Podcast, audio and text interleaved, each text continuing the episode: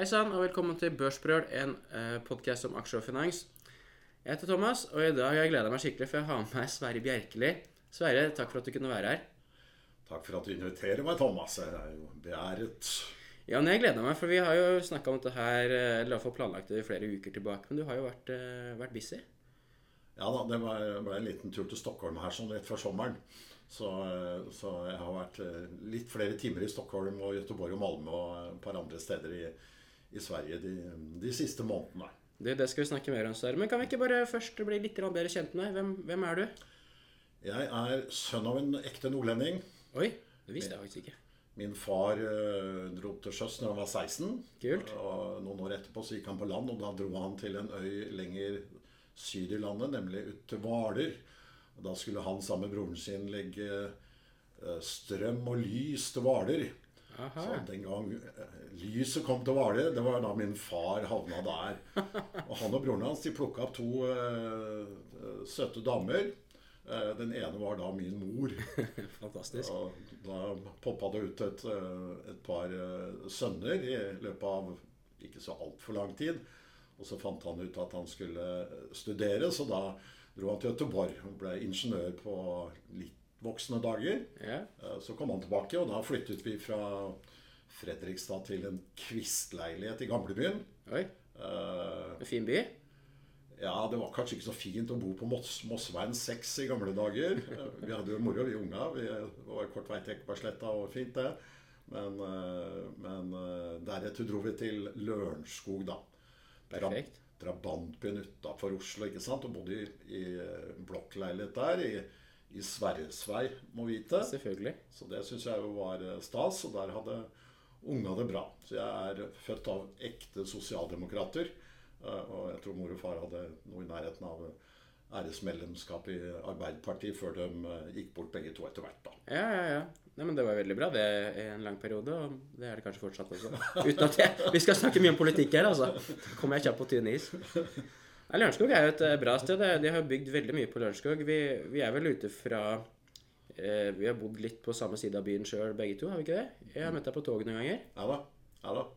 Lillestrøm. Jeg bor i Lillestrøm nå, ja. Så eh, vi har jo bodd i nærheten der. sånn. Vi har jo tenkt fruen og jeg når unga forsvant ut av redet, at vi kanskje skulle dra inn til byen, men det, det gadd vi ikke. Vi har, vi har røttene våre rundt på Rom, Nedre Romerike, da. Lørenskog og Lillestrøm. Og da, da har vi blitt der, da, vet du. Så det, det er bra. Går du på Åråsen, eller? Ah, en gang i året. Ja. Eh, Men nå kan det hende at det blir eh, to ganger i året jeg ser Lillestrøm. En gang eh, på Åråsen og en gang på Fredrikstad stadion. Ja. Det er klart at Jeg er født og oppvokst i oppvokst da, Jeg flytta til Oslo da jeg var fem, da. Men det er klart at hjertet er jo Fredrikstad. ja. Eh, og, og jeg bor jo i Lillestrøm, så når Fredrikstad kommer, da er jeg nødt til å ta en tur, da. Var det Per Egil Ahlsen, eller kom han litt uh, seinere? Nei da, Per Egil var jo stor i gamle dager. Ja. Det, det var han jo. Så det var jo Men Fredrikstad har jo, har jo gammel, gammel storhet, men det begynner å bli litt gammel, den storheten. Da, selvfølgelig. Han må ha skåret verdens beste cupfinalemål noen gang. Ja da. Jeg, jeg så det målet. Jeg var på Ullevål da. Var du det? Ja da, Sammen med fatter'n. Ja, helt nydelig. Men så er det eh, litt av grunnen til at du er her, i tillegg til at jeg, at jeg liker deg skikkelig godt, er jo at du har jo vært med å starte Protektor. Protektor Forsikring eh, har gitt, nå har jeg notert deg med før jeg kom, en avkastning på 21,2% årlig siden dere kom på børs i 2006. Eh, fortell litt om hvordan, det, hvordan ideen kom, og hva Protektor skulle gjøre. Ja, mitt regnestykke er litt bedre enn det, da. For jeg kjøpte jo aksjer før jul i 2003. Oh, ja. Eh, Da kjøpte jeg aksjer til 1 krone og 87 øre stykket. Er det sammenlignet med dagens kurs? Ja da. Som er 100 ganger så høy? Ja da. Jeg har hatt mer enn 100 ganger. Og jeg har hatt over 30% avkastning hvert år, Keger, eh, fra, fra det tidspunktet. Og vi har jo Protector har jo eh, betalt ut mye mer i utbytte enn det de har printa aksjer.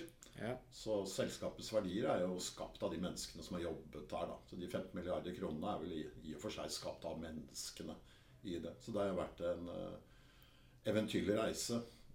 Det var jo, det var jo Jeg fikk jo en henvendelse fra en tidligere sjef av meg, kollega, eh, Jostein eh, Sørvold, som er styreleder fremdeles i Protektor. Eh, Han var som helt fra begynnelsen, Ja. Helt fra begynnelsen. Han var jo sjefen til å begynne med. Og, Ja. og Jeg kom om bord litt før vi fikk tak i noen penger. Akkurat nok til å kunne klare konsesjonskravet. Ja. Og så var Trond Høie der, eh, som også var en tidligere kollega av meg. Han har jobba for meg i Storbrann-konsernet. Så vi var en tre-fire stykker som eh, kjente hverandre fra før av. Og tanken var jo å gå head on på de svære og Ja. ta rotta på dem. En utfordrerposisjon. Ja. Hvordan skulle dere klare det? Nei, vi, vi tenkte jo ikke så, at det var så veldig vanskelig, egentlig. For eh, vi syns Altså, vi kommer jo fra de store, ikke sant. Vi veit jo at de har ekstremt høye kostnadsprosenter. Ikke altfor høy kvalitet. Så vi tenker at vi, skal bare, vi bare tar dem på kostnader. Ja. Og så tar vi dem på kvalitet. Og så gjør vi jobben vår. Og så skjønner vi IT ganske bra alle sammen. Så vi, vi vil ta annerledes valg på IT-siden enn alle andre. Lage våre egne kjernesystemer. Og, og da var det bare å bygge stem på stem og gå hen om på de store. eh, Og, og stjele markedsandeler. Så Så det var i stor grad IT-systemene og strukturen da, som ville skille dere på kostnadssida. Var jo egentlig en kultur vi var på jakt etter å skape det jeg ville kalle en vinnerkultur i ordets beste forstand. Så jeg, jeg tror at fundamentet for Protectors uh, fantastiske utvikling ligger egentlig i kulturen i selskapet. Men innenfor det området der så gjør man noen valg da, som kanskje er utfordreren. Ja. F.eks. å si at når alle andre kjøper dårlige IT-systemer i markedet, så utvikler vi gode IT-systemer i, uh, internt. Og den strategien har vært holdt da i 20 år. Selskapet fyller jo 20 år nå uh, i januar måned. Gratulerer. Ja. Er det, uh, Går det an å spørre hvordan, hvordan bygger man kultur uten å på, på, svare på en kort måte?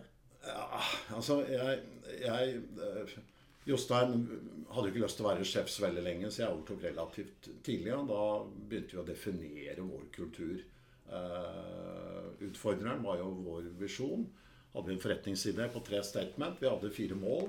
Vi skulle være kostnad- og kvalitetsledere i verden. Det skulle føre til lønnsom vekst. Og så skulle vi bare gå inn i nisjer og segmenter i markedet hvor vi hadde mulighet for å bli en av de tre største.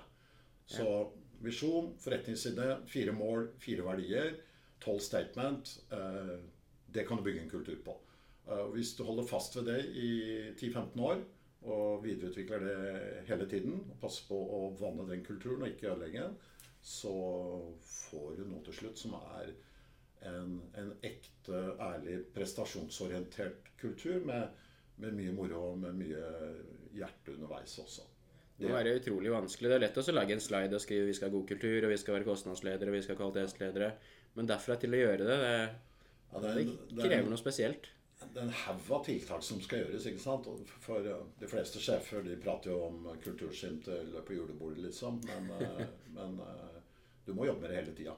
Og, og du blir alltid overrasket over at enkelte ganger så fader kulturen din ut uten at du egentlig oppdager det tidlig nok. Ja. Og det kan skje ganske nær deg, og så må du inn og, og korrigere kursen igjen. Og, og sørge for at det blir levd på en ærlig og ekte måte. Da. Så det er, det er masse jobb ute. Men men der har vi Protector. ikke sant? God struktur. Eh, alltid ti tiltak gående som er kulturelt drevet, og som er konkret, og som er skriftliggjort, og som er opplæring og trening. Ja. Eh, Vi skulle skifte én av verdiene en gang i Protector. Ja. Tok vi med én av fire verdier. Og det, det har skjedd én gang i Protectors historie at man har skifta ett ord. Ja. Det tok et helt år, og det involverte alle medarbeidere ganske grundig. Hva var det? Ja, Seks-syv år siden så skiftet vi ett ord. Eh, og eh, det var en begrunnelse for, og vi hadde med alle menneskene på det. Når du skifter ett ord, så må du redefinere de, innholdet i mange av de andre også. Så, så du må ta med deg folk. Du må tenke nøye gjennom hva du egentlig holder på med. eh, Og sørge for at du får en konsistent historiefortelling fremdeles. Og så må du læres opp da til å leve eh, den, de nye nyansene i det kulturelle bildet som du tegner opp for deg sjøl og selskapet, egentlig. Ja, jeg skjønner. Når jeg sier skjønner, så betyr det at jeg skjønner egentlig ikke. Men, eh, men det, det er en slags sånn immateriell eiendel da, som er vanskelig å måle fra utsida. Jeg har jobba med flere steder, og noen steder syns jeg at uh, Jobba Pareto, f.eks. Jeg syns de har en veldig definert og, og god kultur. Andre steder jeg jobber, har det vært eh, en annen type kultur, da.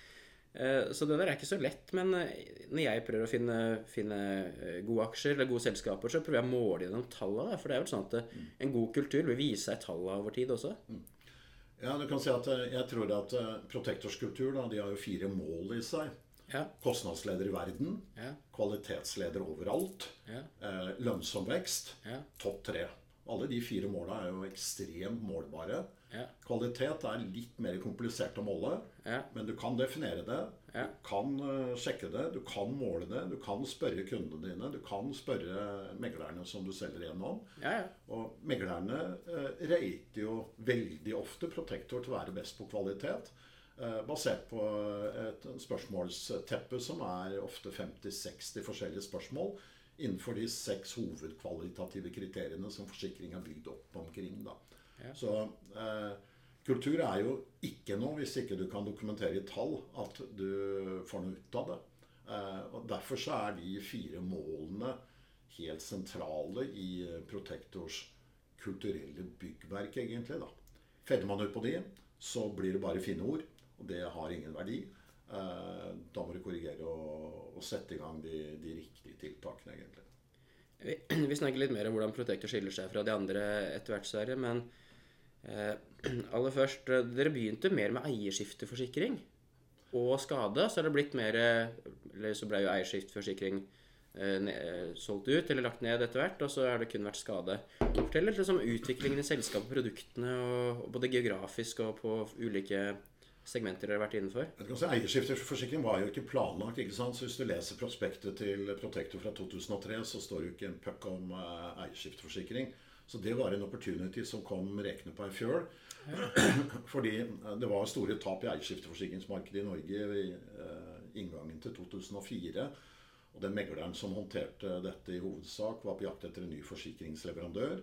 Og da bestemte vi oss for å gå inn i det markedet og overta en eh, mer enn en 50% markedsandel i det markedet, egentlig over natten. Ja. Så 1.7.2004 så gikk vi inn i det markedet. Du kan godt si at vi risikerte selskapet på det produktet. Vi hadde jo relativt lite kapital. Og hvis det gikk til helvete, så måtte du ut og hente kapital. Ja. Men, eh, men vi trodde jo vi visste hva som skulle til eh, for å kunne klare å tjene penger på det. Og det viste seg også at vi relativt raskt da kom opp i, eh, i svarte tall. Mye raskere enn det et nystarta forsikringsselskap normalt kan regne med. Og Deretter så begynte vi å utvikle det som var selskapets egentlige eh, segmenter. Nemlig markedet for eh, mellomstore og store bedrifter eh, og offentlig sektor. ja. Og der har dere vært store og vokst etter hvert. Jeg vokste etter, hvert, ikke sant? så når vi nærma oss 2010, så så vi jo at vi nærma oss 1 milliard kroner i omsetning. Eh, Vi var i ferd med å bli en av de tre største, eller var jo en av de tre største i offentlig sektor i Norge. Og da var jo veivalget hvor går vi nå? Går vi nedover i segment? Eh, Går vi i privatmarkedet, eller går vi utenlands? Og det vi fant ut, var at det enkleste er å gå utenlands. Eh, Og Skandinavia er nærmere, språk, språklig og kulturelt. Og da ble vi invitert inn i det svenske markedet av noen av de meglerne som vi hadde gode relasjoner til i Norge. Ja. Går vi inn, starter offentlig sektor, eh, får eh, Malmö og Karlstad og et par andre store byer som kunder før vi har den første ansatte om bord. Så begynner vi å kjøre. Ja. I Danmark året etter akkurat det samme. Århus ble kunde før vi hadde en eneste ansatt i uh, Danmark. Er Danmark like vanskelig som alle skal ha det til? Ja da, jeg har jo hatt en lang reise Jeg sier vi fremdeles. da, Protektor har hatt en lang reise i, i Danmark. eh, Men det er klart at eh, eh, Og det er mange som har spurt underveis, analytikere og den type ting. Skal du ikke kvitte deg med Danmark? Skal du ikke gå ut? Dette er jo trøbbel. Du taper jo penger. Langhala forretning er ikke noe smart. Men Protector har egentlig aldri vurdert det et eneste minutt. Vi driver med forsikring. Det er kjernevirksomhet. De er godt utenlands. Vi ser at vi får til Sverige. Vi kommer til å få til Danmark.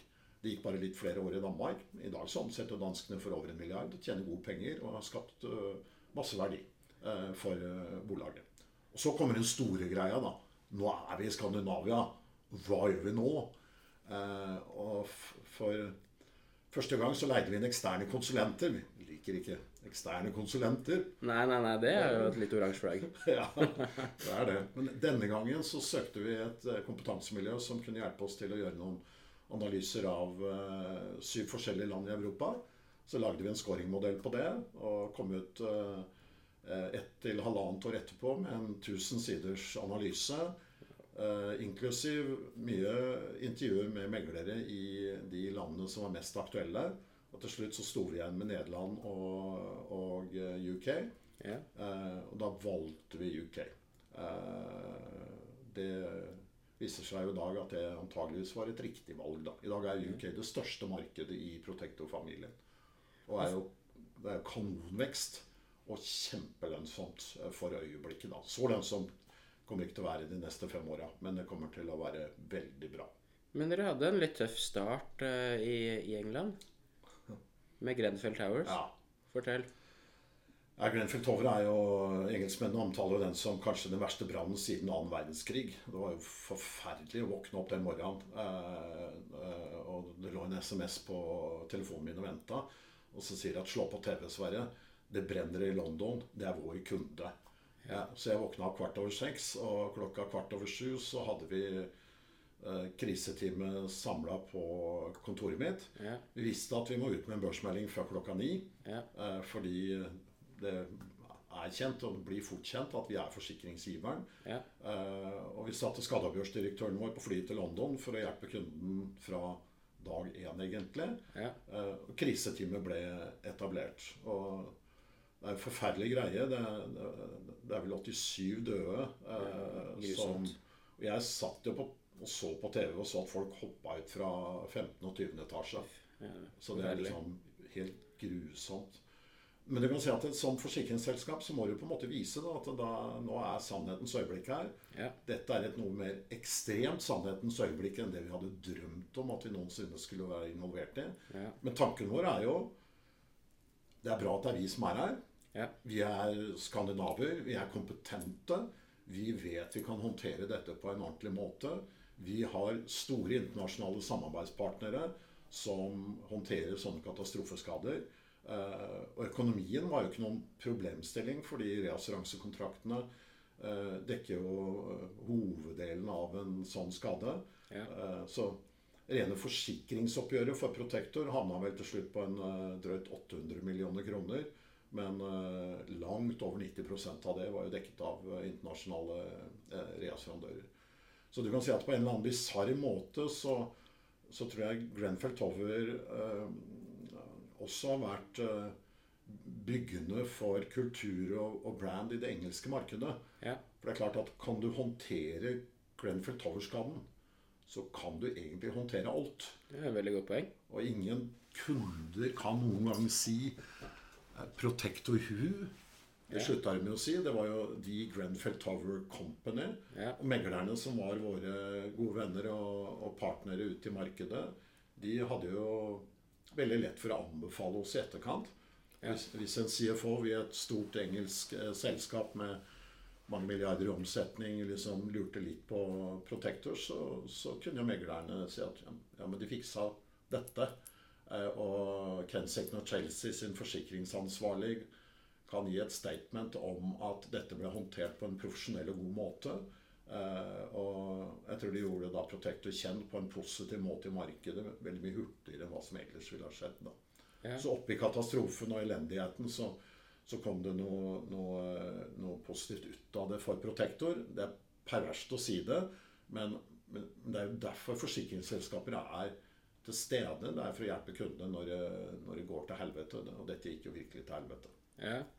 Litt sånn teknisk spørsmål, Sverre, men du sa, nevnte reassura- reassuranse. Og det er der forsikringsselskaper forsikrer seg igjen. Ja, Fikk dere høyere krav fra reassuranseleverandørene etter det? Det, ble et brågete bilde. Vi hadde jo to svære reassuranseavtaler. Det ene dekket ansvarsskaden, som var 500-600 millioner kroner. Og det andre dekket selve bygget, som var et mye mindre beløp. Ja. Og vi kom jo i en dispute der med reassurandøren vår på property-siden. Okay. Eh, Det havna jo i voldgiftsretten. Eh, Det syns vi ikke var så veldig trivelig. Men eh, vi landa jo på en måte eh, safe da, til slutt i, i dette. Men, men reassuransemarkedet er jo helt avgjørende for både små og store forsikringsselskaper. Og for Protector så har det jo vært helt avgjørende at vi har relasjoner til de største og beste reassurandørene i verden. Dere hadde vel én stor utfordring til, og det var jo skjeggkre her i, i, i Skandinavia. Fortell hvordan det der påvirka dere. Og så vil vi snakke om litt hyggelige ting òg, men sånn derfor tar vi de tinga som Ja, altså vi- har vært utfordringene, som kanskje har gjort dere styrke i posisjonen også etter hvert. Altså, så Skjeggkre var en helt sånn absurd historie. ikke sant? Et, et bitte lite kre som er egentlig helt ufarlig. Ja. Blei karakterisert i de lavere rettsinstanser til å være et skadedyr i Norge. Ja. Det var det ikke. Jeg, var og feira børsens 75-årsjubileum. Ja. Det var med kongen og Erna og, og Krokvik som konferansier. Wow. Og det var midt i skjeggkre. Alle prata om skjeggkre. Erna prata om skjeggkre, og Krokvik prata om skjeggkre, og alle var opptatt av dette jævla lille kreet. Eh, og, og, og det tok oss jo to år, og kosta jo i hvert fall et par hundre millioner kroner å få en rettskraftig dom i lagmannsretten som eh, etter hvert da ble forsøkt tatt inn i Høyesterett, og det kom jo opp der til slutt. da. Men det tok lang tid å, å skape eh, en rettstilstand som var fornuftig. Men da hadde Protector i mellomtiden kasta en håndkle og sagt at vi gjør ikke eierskifte mer. Det hadde ikke bare med skjegger å gjøre på noen som helst måte, men hadde med at det kom en ny eh, lovgivning Ja. som vi egentlig ikke syns var noen god idé. Men, men eh, kan, det fins argumenter for den nye loven, men vi hadde ikke et ønske om å bygge opp en ny rettstilstand basert på den nye loven. Det ville tatt ti år til. Ja. Og i mellomtiden så var jo Protector da blitt markedsleder i Norden på offentlig sektor og hadde en haug av svære bedrifter som kunder og hadde nok å gjøre. Eh, og da valgte vi å exite eh, det som startet selskapet.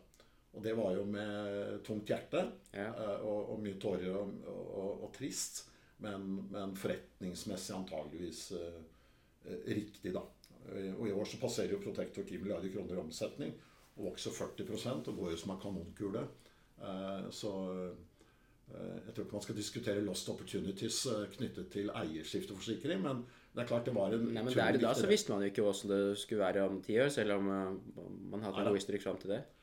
Nei da, men uh, man må ta noen tøffe grep en gang iblant. Og, og, og valget til selskapet, og, og dette var en styrebeslutning selvfølgelig, var jo at nå går vi ut av dette markedet, selv om det var det markedet som hadde bygd selskapet fra starten av. Ja. Uh, egentlig. Og det tror jeg var fornuftig. Og i dag så er jo selskapet størst i Norden i offentlig sektor, og er en av de tre største i meglerbasert forsikring i Norden. Og er nå topp tre i England i offentlig sektor. Og skal spise seg gradvis inn i bedriftsmarkedet i, eh, i England. Lar du deg prege noe særlig av aksjekursen, eller opp igjennom? Det, det, ikke sant? Når det kom på børs 2006, så var det jo relativt eh, flat utvikling fram til jeg tror det er 2012 ca. Og så begynte det å gå skikkelig bra. Og så kom disse problemene jeg snakka om, og så gikk jo aksjekursen ned. Og så etter det så har det vært som en linjal oppover.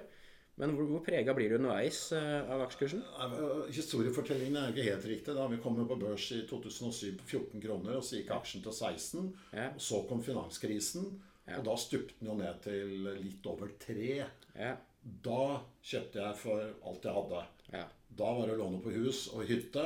Og svigermor og svigerfar måtte skrive fra seg tinglyst livslang bruksrett på hytta for at den skulle være lånegod. Ja. Da lånte jeg for alt jeg hadde. Kjøpte masse aksjer på 5 kroner og 25 eller noe sånt. Nå.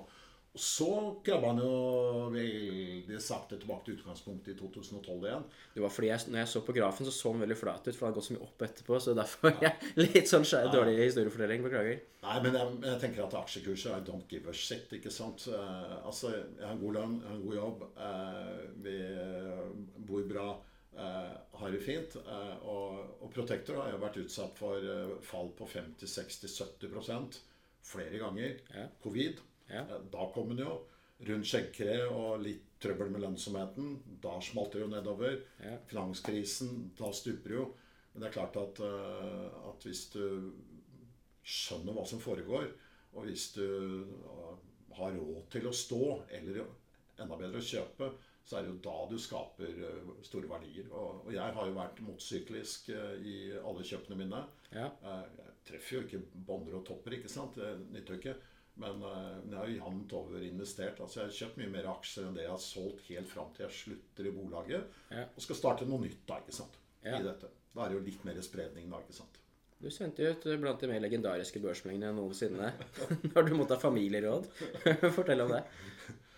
Ja, da, eh, Det er jo familieråd når vi skal låne penger. For at da må både fruen og jeg vi må, vi må skrive under på lånesøknader. Så jeg, så jeg skulle låne 25 millioner kroner for å kjøpe en, en del aksjer her for noen år siden. Da var kursen grusa igjen. Ja. Eh, og da blei dealen mellom meg og fruen sånn at eh, hun, hun ble med på dette. Eh, hun stemte i og for seg mot, jeg stemte for. Og vedtektene sier at det skal være enighet, men dealen var at eh, hun hadde en sånn absurd tanke om å bli gjeldsfri en gang. Det syns jeg er en dårlig idé, da. Ja. Særlig når rentenivået beveger seg mot null. ikke sant? Så skal Ja, ja. man jo ikke være gjeldsfri. Men dealen var jo at, eh, at eh, vi kommer til å selge nøyaktig det samme antall aksjer eh, den dagen aksjekursen passerer 100 kroner. Ikke, og, og når den passerer 100, skal vi selge samme antall aksjer. Og da syns jeg det var like greit å sende ut den børsmeldinga. Og tok jo det litt lengre tid. Han gikk jo ganske fort til 96 kroner. Ja. Og fruen så jo at nå er det snart 100 her. Men så datt den jo ned igjen. Og så gikk den i, i, i vakuum i et par år. Eh, og, og så dukka jeg på Kanariøyene sammen med fruen her eh, før jul for et par-tre år siden. Og da er det en fyr som ringer meg, han heter Åsul Tvetereid, oh, yeah. og sier at nå har kursen passert 100. Jeg og Egil og et par andre kunne tenke oss å kjøpe aksjeposten din. Eh, og så sa jeg du er litt seint ute. Eh, Fordi at eh, det var jo, Dette var en lørdag. Det var jo går han passerte 100. Ja. Så jeg solgte noen av aksjene i går. Men, eh, men det er greit. Du skal få resten til sluttkurs i går. Det er Ja, ja. greit. Så kryssa det på mandag bare, da. Ja. Det, det gjorde vi. Så da, da var fruen glad. Og etter det så har jeg fått lov å forvalte da familiens investeringsportefølje og det man kan kalle en, en formue da, på egen hånd. da, Uten eh, at familierådet trengs å, å tas med lenger. Eh, Det vi ikke har snakka om, Sverre, er jo Du har jo en karriere som eh, håndballspiller på, på landslagsnivå. Kan du fortelle litt om det, og om det har hatt noe å si for eh, måten du har utvikla Protektor på, som eh, vi har vært gjennom? Ja, jeg, jeg har jo idrettsbakgrunn, ikke sant. Så, så jeg var jo egentlig svømmer, jeg. Eh, og, og tok et par-tre medaljer i Norgesmesterskapet i svømming sammen med en, eh, en fin vennegjeng i, i Lørenskog kappsvømmingsklubb. Å ja. Det er den første medaljen i klubbens historie. Fantastisk. Eh, og så eh, begynte jeg og tre kamerater å spille litt grann bordtennis. Og så starta vi i 1972 en bordtennisklubb som ble hetende B72. Ja. Og fattern gikk inn i styret sammen med tre andre fedre. Ja. Eh, og i løpet av noen ganske få år så ble det Norges beste bordtennisklubb, og det er det fremdeles i dag. Yes. Og Vardin Vest er hovedsponsor Selvfølgelig. for B72 i dag. Ja. Så jeg, jeg begynte å spille bordtennis. Jeg deltok i et par-tre gutte-NM i, i bordtennis. Men jeg, jeg trente jo svømming seks ganger i uka og bordtennis en par, så jeg, jeg ble ikke så veldig god. Og så var det noe, en lærer jeg hadde som sa at du må begynne å spille håndball når han så meg i en gymtime. da. Ja. Da begynte jeg som håndballspiller som 15-åring. ja. Spilte jeg på juniorlandslaget som 18-åring.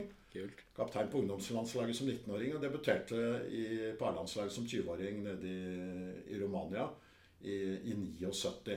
Wow. Så jeg jeg, har jo, jeg har jo reist rundt i Øst-Europa da, den gangen eh, før muren var borte. Ja, det var de landene som var, var, eh, sterke der. Det var kult. Ga meg relativt tidlig som håndballspiller. Så ble jeg trener. Så trente jeg Fjellhamars damelag opp i Eliteserien. Uten å skryte altfor mye, så tror jeg at jeg er den yngste eliteserietrener i norsk håndballs historie. Antageligvis fremdeles. Jeg tviler ikke. Eh, og så ble jeg bedt om å trene Nordstrands damelag. Ja.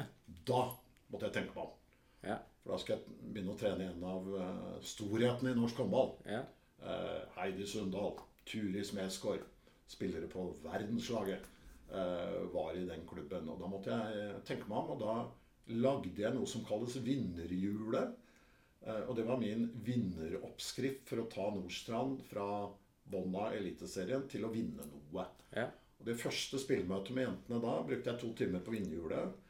Eh, og, og jentene var eh, tent. Ja. Eh, vi dobla treningsmengden. Ja. Eh, og eh, vant sluttspill og kongepokaler eh, i de neste årene, egentlig. Så jeg, jeg lagde vel egentlig vinneroppskriften min i håndballen. Var det der du forsto liksom viktigheten av kultur, kanskje? Jeg tror det. Ja. Kjernen i vinnerhjulet, det kalte jeg for miljø. Ja. Kjernen i en vinnerkultur i en bedrift, det kaller man i dag kultur. Man kaller det ikke miljø, man kaller det kultur. Så det, det vinnerhjulet har blitt med meg inn i næringslivet, og, og jeg plaga alle ansatte som jeg har vært sjef for. Det være seg i Storbrann eller i Ementor eller i Protektor. Har du vært i Mentor, da? Ja, Ja, Det visste jeg ikke. jeg var norgessjef i Ementor. Oi. Steinar Sønstebø var jo sjefen min.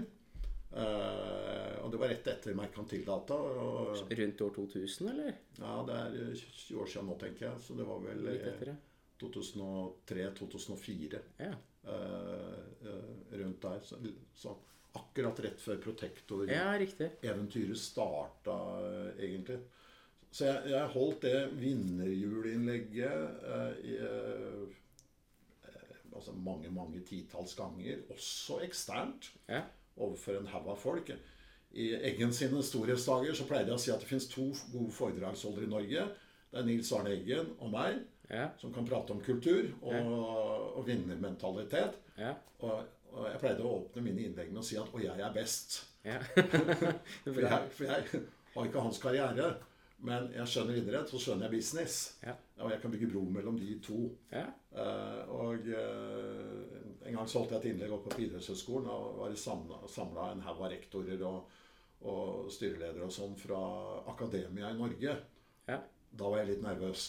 Jeg tenker at kan denne litt enkle historien her gå hjem hos den ypperste elite av akademia i Norge? Jeg var litt, jeg var litt svett da. Men eh, jeg fikk applaus. Jeg tror jeg scora bra på evalueringene da også. Så vinnerhjulet kommer fra håndballen. ja. eh, og er tatt med inn i eh, business. Og det fins enormt med punkter å, Ja. å lære av. Jeg tror næringslivet har mer å lære av idretten enn motsatt. Ja, helt sikkert. Var det i 2021 du ga deg Protector, ser? Ja, det må vel være riktig. Hvorfor? Nei, det, det, det går jo litt grann eh, varmt til slutt, kanskje. Så skal jeg være helt ærlig, så ble det vel litt grann anstrengt eh, å, å være der. Eh, og i tillegg så eh, var det jo slik at suksesjonen var jo planlagt i mange, mange år. Ja.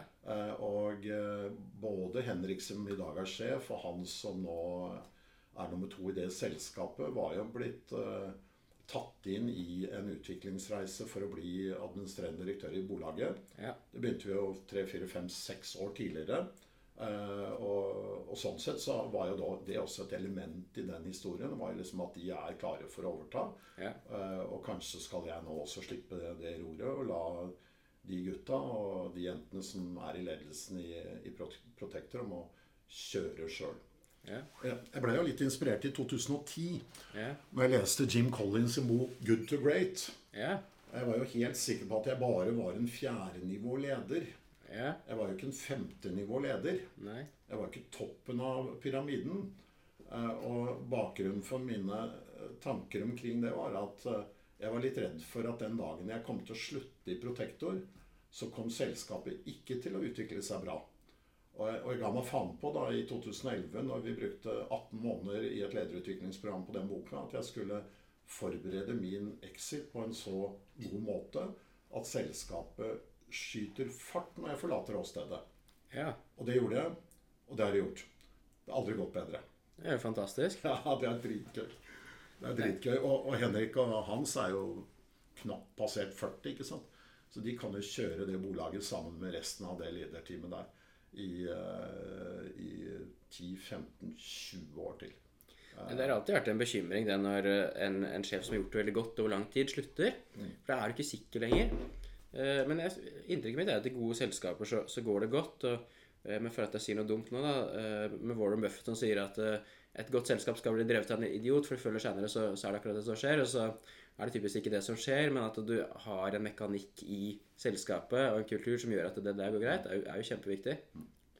Ja da, jeg, jeg, Noe av det jeg er mest stolt av sånn ledelsesmessig, er jo egentlig at det gikk sånn som jeg trodde Nemlig at øh, Og jeg, og jeg fikk jo god tid til å overlevere. Det ble jo annonsert i september at jeg skulle slutte, og jeg holdt jo på fram til neste sommer. Ja. Så sånn sett så var det jo på en måte en nice exit, og vi brukte tid på det. Og vi, vi la de små diskusjonene vi hadde, bak oss. Ja. Eh, så hadde jeg ni måneder sammen med ledergruppa og gjengen. Eh, og det planla vi på en god måte. Og jeg syns det er eh, utrolig tilfredsstillende å se hvor, eh, hvor bra det går. I år, I år så er det litt sånn Nå renner jo butikken inn i, i, i UK, ikke sant? Du fikk jo 1 milliard i ny forretning 1.4. Eh, så, så dette blir jo det beste året i Protectors historie. Og, og reisen har jo egentlig bare så vidt begynt. Hva gjør du nå annet enn å være aksjonær i Protector? Du nevnte jo innledningsvis at du har vært mye i Sverige i det siste. Ja, altså, Jeg var styreleder i, i B3 Consulting Group, et børsnotert selskap eh, borte i Sverige. eh, Og rett før sommeren så skjedde det et litt hurtig skift av administrerende direktør. Eh, Så hun som hadde vært der bare i 12-15 måneder, hun ønsket ikke å fortsette som administrerende. Og, og da ble jeg bedt av styret om å gå inn og bli administrerende. Det skjedde jo egentlig over natta. Det er ikke noe vits å ringe fruen da. da. Da må du bare si ja. Ja. Du må gjøre det som er nødvendig. Ja. eh, Og, og informere fruen i etterkant. ja. Eh, Og eh, det ble jo en liten endring. Men, eh, men når det er sagt, så vil jeg si at jeg er innmari glad for at jeg er inne nå et halvt års tid og er uh, sjef i det bolaget. Det er, vi er ca. 1000 mann. 800 i Sverige og 200 i, i Polen. Uh, og jeg har fått enda mer respekt for det selskapet etter at jeg har fått være med ned i dybden på det.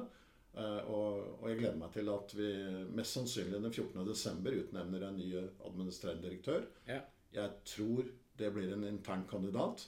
Det er styrets hypotese. Ofte er det det beste. Det er normalt det beste.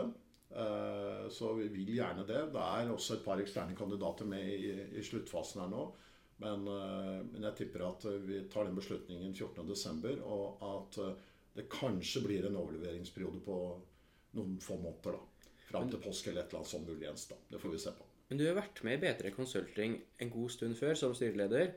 Og det har også vært en transformasjon av selskapet. Altså jeg, jeg kjører modell på det sjøl, og det var et sånn middels greit selskap en stund. Og så kom du inn, og så har det begynt å gå gradvis mye bedre. Og så skal man bare få fått en ny lederplass nå igjen eh, etter deg, da. Så Jeg tror det kan bli veldig bra. Jeg kom inn da aksjen den sto i, i 50. eh, og og eh, selskapet har veldig mye bra konsulenter, har bra kunder, er, vokser bra og har gjort det i mange mange år, men har trøbla med marginene sine. Har egentlig hatt noen av de dårligste marginene i det svenske markedet. Ja. Det er det som regel en grunn til. ja. Det går an å gjøre noe med. Ja. Det har vi starta på en reise. Og så fikk vi jo veldig godt betalt da når eh, 2022 utvikla seg, for da var liksom det svenske IT-konsulentmarkedet helt euforisk bra. Yeah. Eh, aksjekursen gikk jo veldig høyt, veldig fort. Så den falt ned nå til eh, halvparten, eller noe sånt nå, uten at yeah. det betyr noe. Men, men året i år blir det nest beste året i B3s historie. Eh, og et lite råd til lytterne. Åpenbart underprisa. Eh, selv om jeg som VD og, og styremedlem kanskje ikke skal prate så mye om den aksjekursen, så gir jeg som regel akkurat F i det. Ja. Eh, så Jeg, jeg tror det er en, en bra investering. Nest beste året i historien. Eh, vi jobber nå med å redusere kostnadene i moderbolaget. Ja. Døtrene, 23 stykker, de er fit and proper. De er bra. Ja. Eh, og nå forbereder vi oss og gleder oss til at AI-bølgen skal begynne å rulle, og at tog- begynner å gå. Men vi snakka mye om kulturseire. Er det like lett i Sverige, eller må man, må man ta litt ekstra der borte?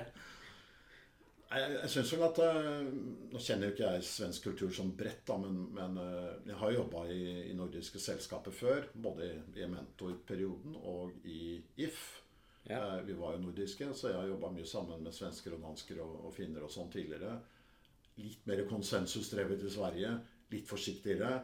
Eh, litt kjedeligere.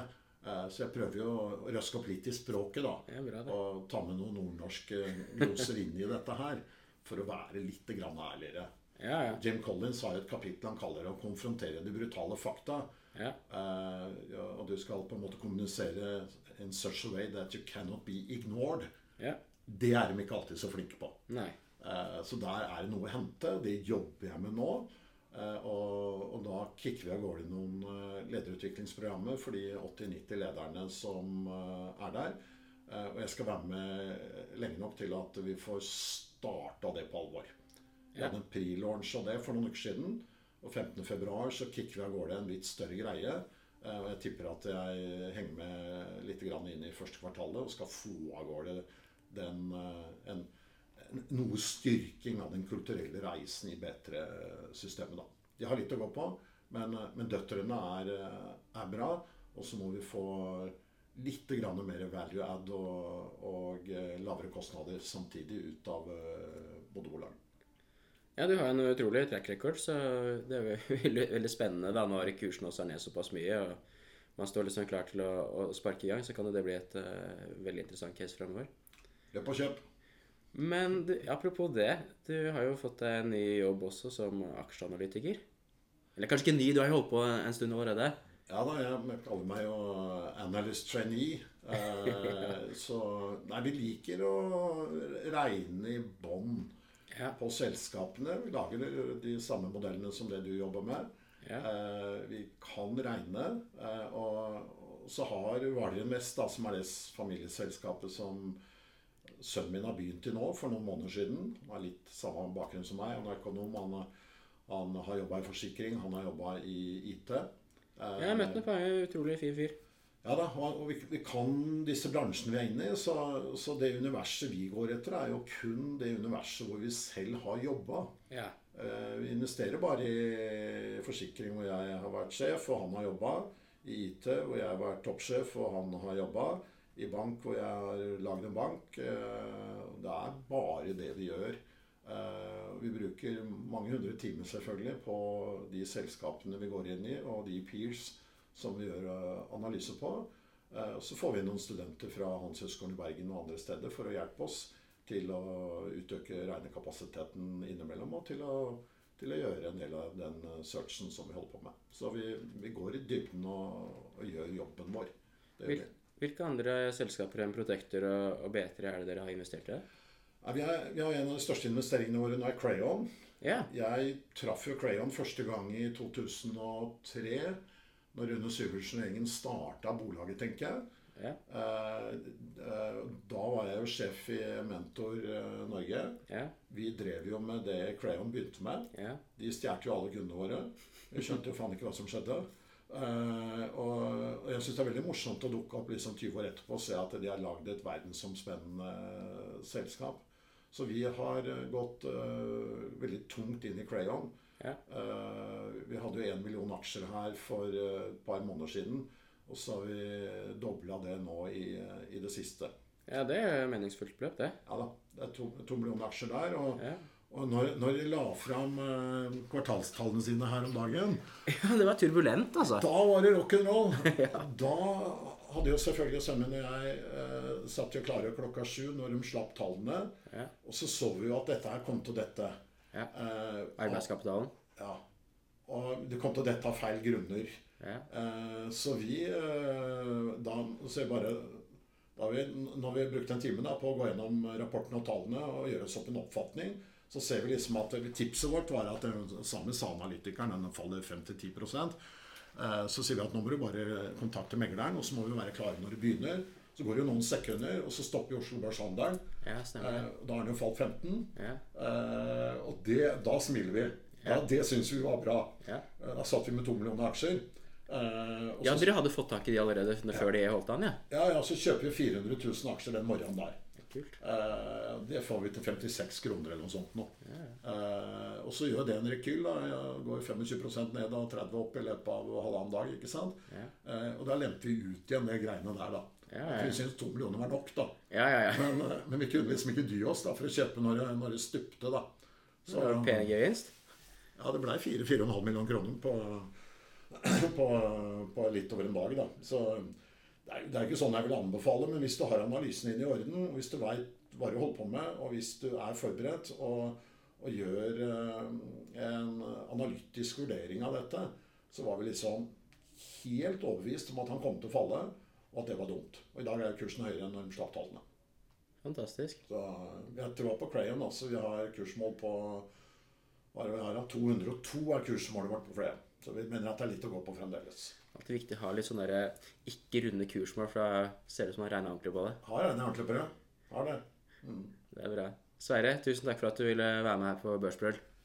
Hyggelig. Takk skal du ha, Thomas.